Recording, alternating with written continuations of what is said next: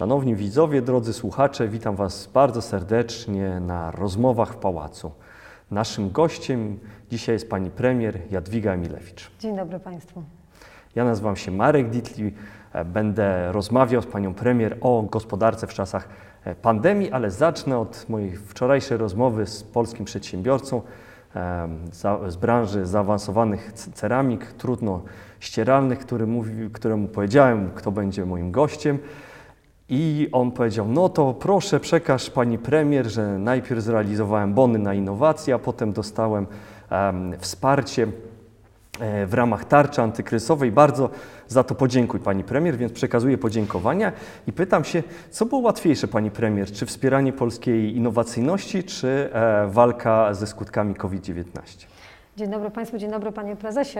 Powiem tak, że to były pięć lat naznaczone nieustającymi wyzwaniami, bo rzeczywiście najpierw koncentrowaliśmy się na innowacyjności i jako anegdotę mogę tylko opowiedzieć, że moi współpracownicy zawsze wspominali, kiedy ja mówiłam, że już za trzy miesiące to naprawdę będzie łatwiej.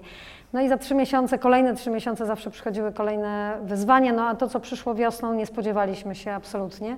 Myślę, że cała praca, jaką wykonał cały mój zespół, ale tak naprawdę cały rząd, bo, bo to, nie są, to nie była praca solistów. To była praca, jakiej no, myślę nie wykonywało się w Polsce po 1989 roku, jeśli chodzi o tempo, o opracowanie koncepcji, ich natychmiastowe wdrożenie i to na poziomie legislacyjnym, ale co ważniejsze i na poziomie operacyjnym, bo my te projekty e, przegłosowywaliśmy ustawę, a w kilka dni później środki trafiały na konta przedsiębiorców.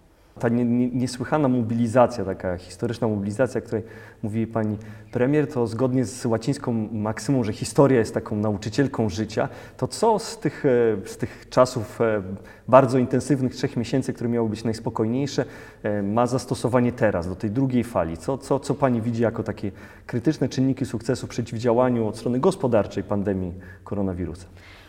Myślę, że y, kilka wątków bardzo istotnych. Jeśli e, państwa czy wspólnoty polityczne mogłyby sobie wybierać czas, w których przychodzi do nich kryzys, no to dla nas ten czas i ten rok był takim rokiem, w którym moglibyśmy powiedzieć, że jeśli w ogóle ma się nam przydarzyć, to dobrze, żeby się wydarzył w tym roku.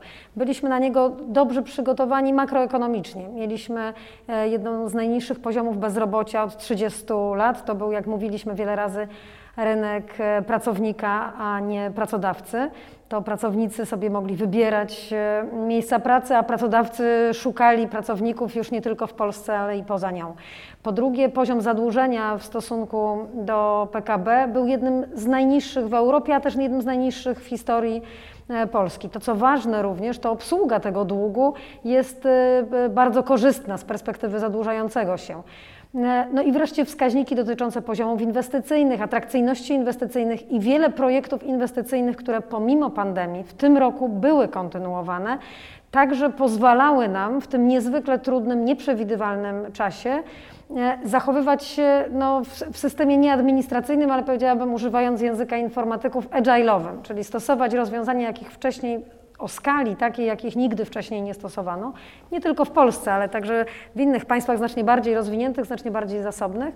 E, Po drugie, robić to stosunkowo szybko. I ten efekt, o który pytał pan prezes, e, jaki mamy dziś, mierząc się z drugą, między nami mówiąc, znacznie groźniejszą falą e, pandemii, spowodował, że firmy mają pewne bufory finansowe. Nie bardzo duże, bo w ogóle polska gospodarka nie ma dużych buforów finansowych. Nie mamy firm, które gromadziły swój tłuszcz, gromadziły swój majątek przez e, e, dwa stulecia, tylko to są nawet te największe polskie firmy, to są historie sukcesów dwóch, trzech e, dekad.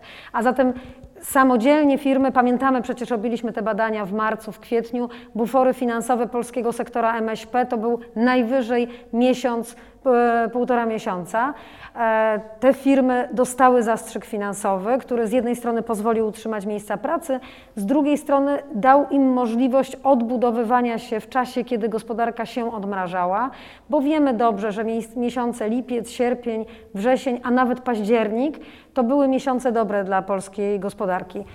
A zatem mamy pewien bufor w zmierzeniu się z, tym, z tą drugą falą pandemii, która, tak jak powiedziałam, będzie znacznie trudniejsza, znacznie bardziej wymagająca. E, Faktycznie w tym pierwszym, pierwszej odsłonie pandemii i polscy przedsiębiorcy, i polski rząd wykazali się niezwykłą i zwinnością, i to, co lubię nazywać, i taką inteligencją adaptacyjną, czyli zmieniły się kompletnie warunki, a my wciąż potrafimy, potrafimy sobie z nimi radzić. Ta druga fala jest rzeczywiście trudniejsza. Pani premier, czy powinien być e, lockdown, powinniśmy zamknąć polską gospodarkę, czy powinniśmy e, zacisnąć zęby i czekać na tą szczepionkę i powiedzieć, no gospodarka musi trwać, musi, musi być ta aktywność gospodarcza, żebyśmy e, jako państwo wyszli silniejsi z tego, tej całej zawieruchy? No to są takie pytania, jakie ja często mówię, że najlepiej zadawać je dzisiaj chyba w różce, bo nie ma, tak jak nie ma skutecznej szczepionki na COVID-19, tak nie ma skutecznej szczepionki tej gospodarczej. Nikt, żadne państwo na świecie nie daje odpowiedzi, które są jednoznacznie dobre i wzorców jednoznacznie do zastosowania. Z różnych powodów. Nie tylko dlatego, że stosujący je nie odnoszą spektakularnych sukcesów, ale także dlatego, że społecznie się bardzo mocno i gospodarczo e, różnimy. Czy powinna być, powinien być drugi lockdown? Ja powiedziałabym tak, że powinniśmy zrobić wszystko na poziomie i politycznym, i społecznym, aby tego drugiego lockdownu nie było. Też warto przypomnieć, że my de facto nie mieliśmy lockdownu, prawdziwego lockdownu e, wiosną tego roku. Nie mieliśmy tak zatrzymanych linii produkcyjnych, zatrzymanych fabryk, tak jak to miało miejsce we Włoszech czy w Hiszpanii. My mieliśmy przymknięte pewne działalności gospodarcze i bardzo mocno rzeczywiście osłabiony rynek pracy przez to, że rodzice zajmowali się dziećmi, zwłaszcza tymi najmłodszymi, kiedy były przez trzy miesiące praktycznie zamknięte w domu i kiedy szkołę, szkoła przeniosła się do domów. E, zakładam i mam nadzieję, że te obostrzenia, które dzisiaj rząd wprowadza, będą no, podobne do tych wiosennych, ale jeśli one mają nie pójść dalej, a słyszeliśmy e, zapowiedzi pana premiera Morawieckiego, który wskazuje drogę dojścia do dalszych restrykcji, e, to tych dalszych restrykcji nie będzie, jeśli my wszyscy będziemy zachowywać się racjonalnie. I to, o czym no, to już jest naukowo udowodnione. Dystans, dezynfekcja, maseczka są najlepszą bronią antykowidową, jaką dziś e, mamy. Zachowanie roztropności w sklepach, w miejscach publicznych, e, niezbliżanie się nadto do siebie, umiarkowany sposób skorzystanie z komunikacji publicznej, to wszystko może nam pomóc, abyśmy rzeczywiście nie musieli wyłączać poszczególnych sektorów gospodarki, tych, gdzie narażeni jesteśmy na zwiększony kontakt. Więc jeśli miałabym radzić, to zróbmy wszystko wspólnie, wspierajmy w tym rząd, abyśmy lockdownu wprowadzać nie musieli, bo tak jak powiedziałam, to będzie znacznie gorsze do zniesienia, do udźwignięcia dla firm, bo one są już i tak bardzo mocno poturbowane po, e, po wiośnie tego roku, a jesteśmy w takim okresie roku, gdzie tradycyjnie listopad, grudzień, październik, listopad, grudzień, to tradycyjnie są, to jest kwartał wzmożonej konsumpcji indywidualnej i sprzedaży detalicznej, związane z okresem świątecznym. Te święta będą inne. Już wiemy, że to będzie sezon zakupowy kompletnie e, inny, więc e, nie wiemy, jak długo potrwa ten stan niepewności chorobowej, także bezpieczeństwa chorobowego, więc tutaj ta roztropność jest niezwykle e, ważna. I myślę, że powinniśmy, tak jak powiedziałam, zrobić wszystko, aby na tak masowy lockdown Polsce nie musiał być wprowadzony. To, co Pani mówi o tym masowym lockdownie i kulturze maseczek, przypomina mi e, podróże do Azji. Jeszcze były takie czasy, może niektórzy nasi słuchacze bądź widzowie pamiętają, że można było dość swobodnie podróżować po świecie. I tam urzekało mnie to, że nawet jak ktoś miał drobny katr, to zakładał maseczkę w metrze i nie było takiego prychania na tam sąsiadów i i innych e, pasażerów. E, I rzeczywiście te kraje z tą wyższą kulturą maseczkową to widzimy, że sobie dobrze, do, lepiej radzą e, w tym, w tym kryzysie, więc zachęcamy, sami nosimy maseczki i zachęcamy wszystkich do, do noszenia. Nie jest to żaden wstyd. E, a nawet ci, którzy noszą okulary, tak jak ja, to można przeżyć, jeśli one trochę parują. Natomiast chciałbym... I wolnościowców też zapewnijmy, że jednak nawet w tej tradycy, tradycyjnej, mm, w tradycyjnym liberalizmie nasza wolność jest ograniczona wolnością drugiego człowieka, Dokładnie. więc nie zarażajmy innych, nie ograniczajmy ich wolności. Więc mamy wolność do i od. I chcemy mieć wolność od tych, którzy nie noszą maseczek i to się w Azji rzeczywiście sprawdziło. Bardzo zachęcające wyniki gospodarcze też Chin. I ten kryzys, który takim jest e, kryzysem w porównaniu z innymi niesprawiedliwym, następuje strasznie duże rozwarstwienie i między krajami, i między branżami, i między, e, między regionami gospodarczymi, i między grupami społecznymi.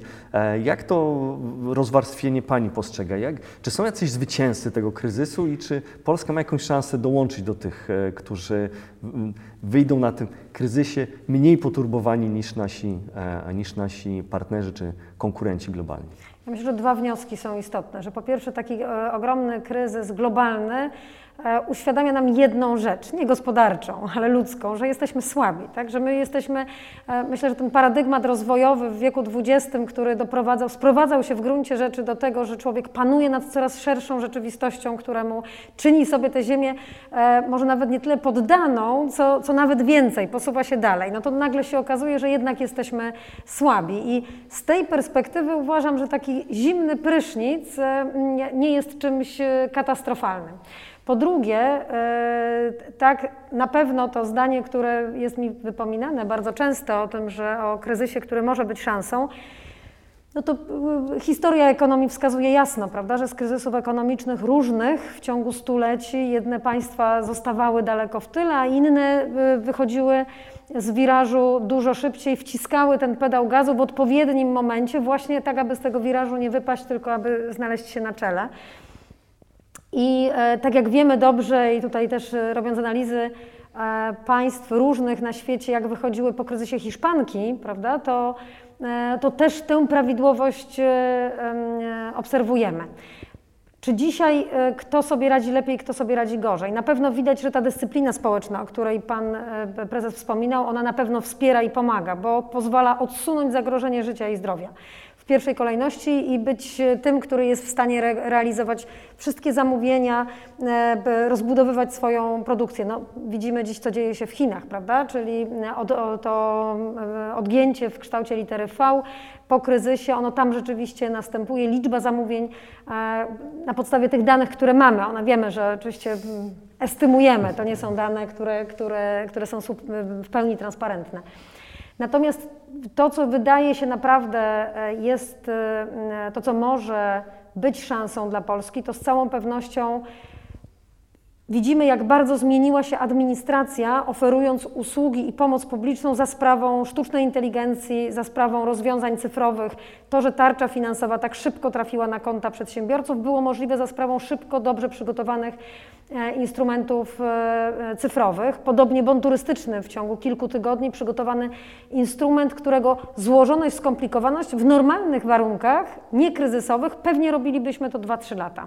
Tu udało się to zrobić w kilka tygodni. A zatem w wyścigu ucyfrowienia gospodarki i administracji ten wyścig nie jest jeszcze zakończony. Wszyscy są mniej więcej na podobnym etapie. Wiem, rozmawiałam o tym z kolegami ekonomistami, którzy od kilku lat są w Chinach i dokładnie to jest ich postulat i ich stwierdzenie, że tutaj dziś naprawdę ta sfera związana z cyfryzacją gospodarki, cyfryzacją administracji, cyfryzacją edukacji, to jest jeszcze błękitny, dziewiczy ocean, na który Polska naprawdę może swobodnie wpłynąć, biorąc pod uwagę nasze kompetencje ludzkie, nasze e, kompetencje informatyczne.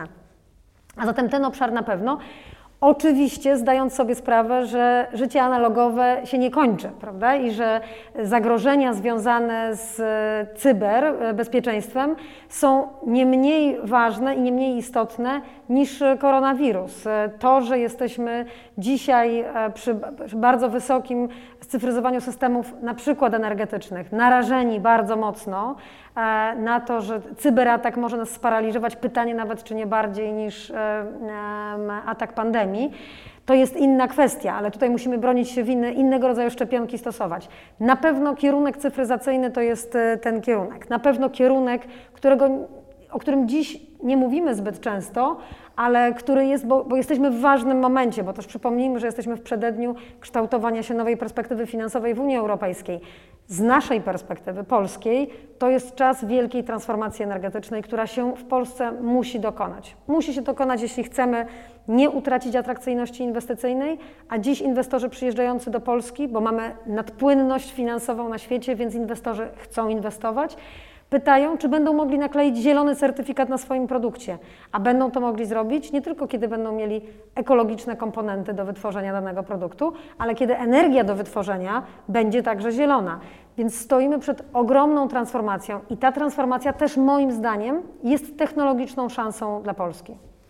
e, te duże inwestycje, czy skala inwestycji, czy infrastrukturalne, czy właśnie te ekologiczne, e, przez wielu ekonomistów wskazywane jest właśnie jako taki sposób wyjścia z kryzysu i czy rząd powinien koncentrować się na mm, pomocy mniejszym firmom w przetrwaniu, czy właśnie na wielkich projektach inwestycyjnych? Gdzie, gdzie pani premier widzi ten taki Mm, właściwe, właściwe priorytetyzacje e, działań e, polityczno-gospodarczych. Nie ma wątpliwości, że w gospodarce takiej jak Polska, która jest oparta na małych i średnich firmach, zlekceważenie małych i średnich firm kosztowałoby nas bardzo słono w perspektywie kilku najbliższych lat. Pamiętam też takie rozmowy z ekonomistami po naszych tarczach e, z wiosny czy na pewno dobrze zrobiliśmy? Czy nie lepiej było dać umrzeć tym gałązkom słabym, a zostawić tylko te silne? I lepiej na przykład zwiększyć zasiłek dla bezrobotnych, kosztem, wiedząc o tym, że, ten, że, że bezrobocie wzrośnie. Moim zdaniem w sytuacji, kiedy w Polsce mamy 2 miliony mikrofirm, a w większości mamy prawie ponad 90% małych i średnich firm. Nie można tego w ten sposób zostawić, bo to też często to nie są proste, mało, nisko technologicznie rozwinięte E, firmy. To jest rdzeń i kościec tej gospodarki, więc ich nie można z całą pewnością e, zostawić, jeśli chcemy, aby one rosły, aby w ciągu tych najbliższych lat rzeczywiście te małe stawały się średnimi, a średnie e, dużymi. Ale to tutaj nie możemy stosować jednego instrumentu. My mamy, zawsze sobie, zawsze to powtarzam, że w Polsce ciągle największym zasobem kapitałowym, jaki jest, to jest zasób płynący z zamówień publicznych. To właśnie publiczne zamówienia, publiczne usługi są tym tą dawką e, kapitału, który w największym stopniu trafia rok do roku na, e, na rynek. Zatem sprawienie, aby ten proces był na tyle atrakcyjny, żeby jak najwięcej podmiotów mogło realizować usługi publiczne, realizować zamówienia publiczne, jest ważne i temu służyła reforma prawa zamówień publicznych, ale z drugiej strony realizację dużych przedsięwzięć infrastrukturalnych, no to oczywiście Pan Prezes wspomina lata 30., model keynesistowski, bardzo szeroko stosowany w Stanach Zjednoczonych, który dał tam przecież korzystne efekty. Podobnie przecież rzecz się miała w, e, w, we Włoszech, no wspomnijmy to nazwisko, bo jednakowoż bardzo dużą ingerencję gospodarczą Mussoliniego, tak, tak. gdzie po autostradzie Słońca do, no, do niedawna podróżowaliśmy z północy na, w, stronę, w stronę Rzymu. One dały konkretne efekty, impulsy gospodarcze. My jesteśmy w takiej sytuacji, że to nie jest kwestia wymyślania inwestycji publicznych, które a może do, do, dokleimy nową nitkę autostrady. My ciągle mamy jeszcze zapóźnienia bazowe infrastrukturalne.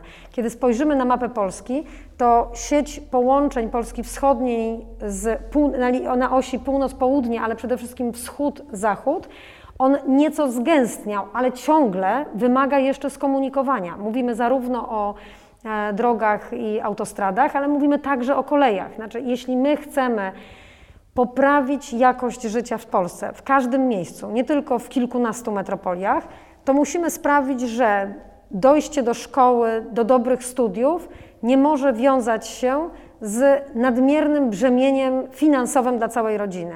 A w jaki sposób można to zrobić? No tylko w taki, że da się podróżować z dowolnego miejsca w Polsce do stolicy w czasie nie przekraczającym półtorej godziny, bo wtedy praca, studia nie wymagają prze zmiany życia dla całej rodziny. A zatem te inwestycje w Polsce tak czy owak musiałyby się wydarzyć, biorąc pod uwagę stan pandemiczny, postpandemiczny, bo ja już o nim chciałabym mówić, wprowadzenie takich, e, prowadzenie takich inwestycji ma ten, e, ten aspekt, o którym powiedziałam, podnoszenie jakości życia, poprawa jakości życia, no i jednocześnie duży wolumen zamówień, który może trafić na rynek. Myślę, że też to, co musimy zmienić nieco w podejściu, to to, że nie każdą z tych inwestycji musi realizować stuprocentowo Skarb Państwa. Biorąc pod uwagę tę nadpłynność gotówki, która jest dziś na świecie, zainteresowanie funduszy w inwestycje infrastrukturalne, do wielu tych inwestycji z całą pewnością możemy zaprosić fundusze zagraniczne. Na pewno taką inwestycją jest duży terminal, który wokół Centralnego Portu Komunikacyjnego powinien powstać na pewno szybkie połączenia kolejowe. To są takie inwestycje, którymi są dziś zainteresowane duże międzynarodowe fundusze. Bardzo ciekawe, du dużo myśli pani premier. No to rzeczywiście jest różnica między Europą Zachodnią a, a nami, że u nas inwestycje infrastrukturalne są naprawdę potrzebne gospodarczo, a tam czasami są prowadzone nadmiarowo, chociaż też są ciekawe luki, na przykład wciąż się dość długo podróżuje z Luksemburga do, Luksemburga do Brukseli, co wydawało się, że sam środek Europy.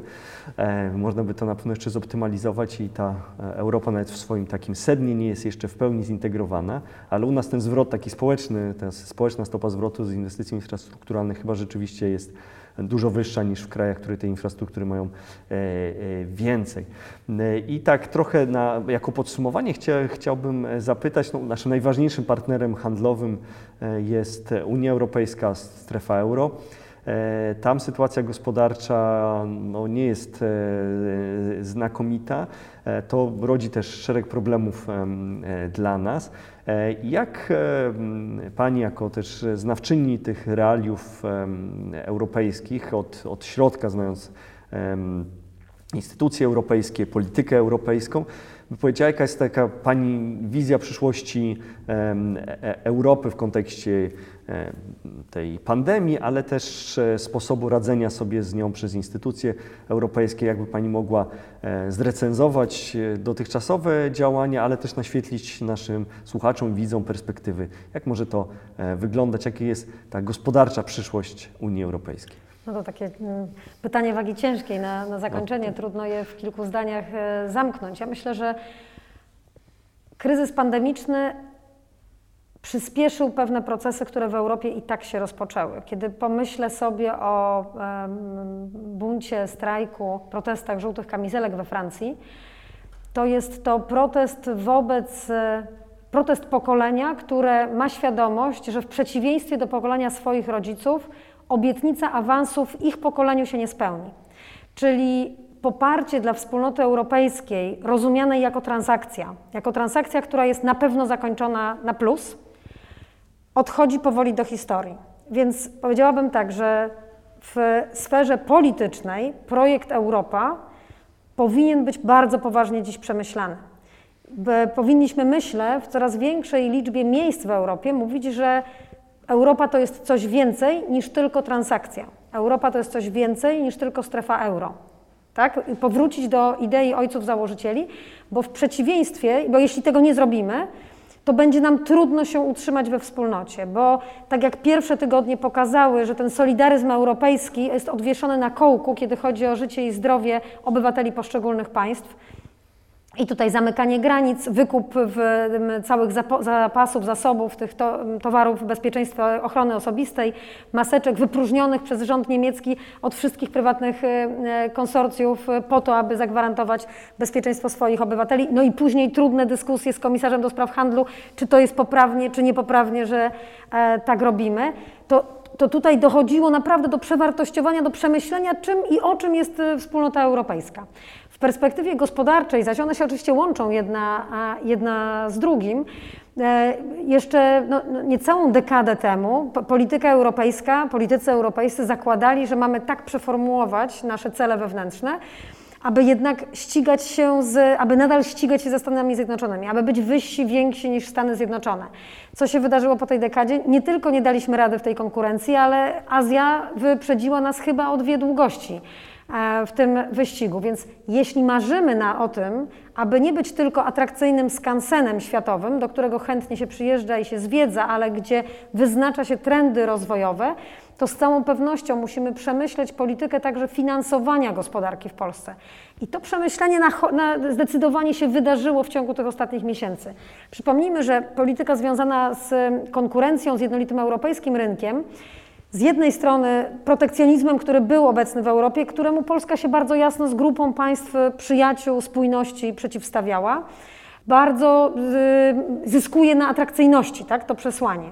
Z drugiej strony wsparcie dla firm, które było niezwykle trudne do osiągnięcia, tak naprawdę, Notyfik, tak zwana notyfikacja pomocy publicznej dla e, dużych firm, słynny brak zgody na e, fuzję dwóch dużych e, koncernów francuskiego i niemieckiego nagle okazuje się, że możemy transferować niebotyczne środki publiczne na wsparcie pewnych sektorów. Liczba pół miliarda euro, które dostał upadający kondor, którym zainteresowane były polskie linie lotnicze LOT w kwietniu tego roku, no to zatwierdzona w ciągu kilku tygodni przez panią komisarz Vestager, to, y, to, to jest taka zmiana polityki, jakiej nie było w Europie przez ostatnie mm, lata. A zatem jeśli myślimy o przyszłości Europy, gospodarczej Europy, w jaki sposób to Europa chcemy, aby nadal wyznaczała trendy, to też zmiana podejścia do finansowania, no właśnie, nowych technologii, e, e, nowych branż i to się zaczęło dziać w Europie i przed pandemią. Takim projektem europejskim był na przykład europejski projekt bateryjny, prawda? że chcemy, mamy takie ambicje, że skoro rozwijamy elektromobilność, to chcemy, aby serce tej elektromobilności, bateria, e, była w większym stopniu produkowana w Europie, bo dzisiaj elektromobilność napędzana jest no, głównie z Azji. E, I takie konsorcjum, które tworzy kilkanaście firm i francuskich, i niemieckich, tam są też polskie firmy, to jest nowe podejście. To jest podejście, czy ono przypomina podejście amerykańskie do finansowania innowacji? No jeszcze nie. Tego zdolności na, do, do ryzyka mniejszego przyglądania się z każdej strony mm, e, każdej, każdemu euro czy każdej złotówce publicznej jest tutaj znacznie mocniej zakorzeniona, ale to jest z całą pewnością e, e, kierunek w dobrą, w dobrą stronę. No faktycznie DARPy jeszcze mm, takiej europejskiej nie mamy, która e, hojną ręką wspiera amerykańskie przedsięwzięcia o charakterze lotu na księżyc, powiedziałbym w sensie zasięgu i wyobraźni i perspektywiczności. E, natomiast już dogoniliśmy jako Europa Stany Zjednoczone, jeśli chodzi o um, dług publiczny, emisję obligacji, obejmowanie obligacji przez bank centralny. E, jak e, Pani widzi tutaj e, możliwości wielu naszych widzów, słuchaczy się boi, czy, czy Państwa mogą się tak zadłużać bez końca? Jakby Pani to, to, to, to skomentowała, no, sytuację, sytuację budżetów państw Unii Europejskiej na tle Europy i jak w tym miejscu, gdzie w tym miejscu jest Polska?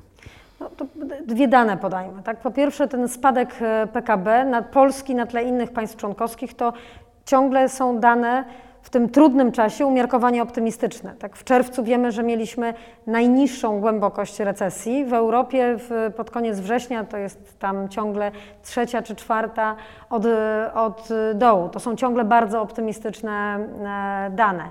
Poziom zadłużenia tak oczywiście rośnie, bo y, tarcze y, finansowe, gospodarcze to są tarcze, które były możliwe, były dostępne za sprawą emisji obligacji, o których wspomniał Pan Prezes, skupowane potem przez Bank Centralny. Robimy dokładnie to samo, co robi Bank Centralny w Stanach Zjednoczonych, co robią inne banki europejskie. To co ważne i warto to podkreślić, że tutaj nie obyło się, ten cały proces jest zgodny, zgodnie z e, prawem ten y, wykup nastąpił z rynku, a zatem pierwszymi nabywcami były banki. I to, co ważne, banki wcale nie chciały się pozbywać e, tych papierów wartościowych, uznając ich wysoką atrakcyjność i wartość. Także e, to nie jest tak, że my e, emitujemy dług, który, który dzisiaj musi skupować bank centralny, ponieważ nikt inny nie znalazł, nie się podmioty. Nie, taka sytuacja nie miała miejsca. Każda emisja, a to były bardzo, to były emisje Banku Gospodarstwa Krajowego i Polskiego Funduszu Rozwojowego, a zatem tych papierów papierów w krótkim czasie pojawiło się dużo na rynku. Nigdy nie było problemu z ich e, skupem. To po pierwsze. Po drugie, poziom zadłużenia na koniec tego roku prognozowany w stosunku do PKB 62%. To jest, jak wiemy, planowany na przyszły rok 64%. E, to jest przekroczony limit e, ten konstytucyjny 60%. Według metodologii europejskiej warto podkreślić, że on tam nie sięga 50%. Inne po prostu sposoby liczenia e, długu. Czy to jest coś wyjątkowego? No to mogę Państwu powiedzieć, że e, we Włoszech 118%, Francja 90 kilka, Niemcy ponad 70%. Więc to nie jest coś wyjątkowego, to nie jest stan, y, to jest stan alarmowy jak na całym świecie, ten stan kryzysowy, ale stan w Polsce nie jest y, wyjątkowy. Wielu ekonomistów dziś naprawdę wskazuje na jedną rzecz, są to, to, nie jest czas, tak jak powiedziałam, na, na, oszczędzanie. Dzisiaj jest istotne, aby utrzymać płynność i utrzymać zatrudnienie. Stąd uzasadnionym było ten e, zadłużenie się w tym takim krytycznym e, momencie. To, co jest teraz istotne, pytanie, jak spłacamy ten dług, prawda? Jak on jest rozłożony w czasie i w jaki sposób go chcemy spłacać. No, są no, dwa klasyczne, dwie klasyczne metody. Jedna poprzez większą ściągalność, większy sk- fiskalizm państwa, poprzez podnoszenie podatków. No i druga, której ja jestem zwolennikiem, czyli poprzez stymulowanie wzrostu. Tak? Im ta baza podatkowa będzie większa, to tym większy będzie wpływ do, y, do budżetu państwa. I na to szanse ogromne są. Słyszę i wiem, że październik, wrzesień to były dobre miesiące p- pod względem podatkowym w Polsce, że gospodarka się podniosła e, i wpływy do budżetu były nawet wyższe niż zakładane przed pandemią. A zatem ta zdolności adaptacyjne, o których powiedział Pan Prezes na początku, czy też jak ja powiedziałabym inaczej, jak mówią moi polscy przedsiębiorcy, my jesteśmy przyzwyczajeni do działalności w kryzysie i w trudnościach nieustających, sprawiają, że ta zdolność, odporność polskiej gospodarki jest może nawet nieco większa niż w tych bardziej zasobniejszych państwach.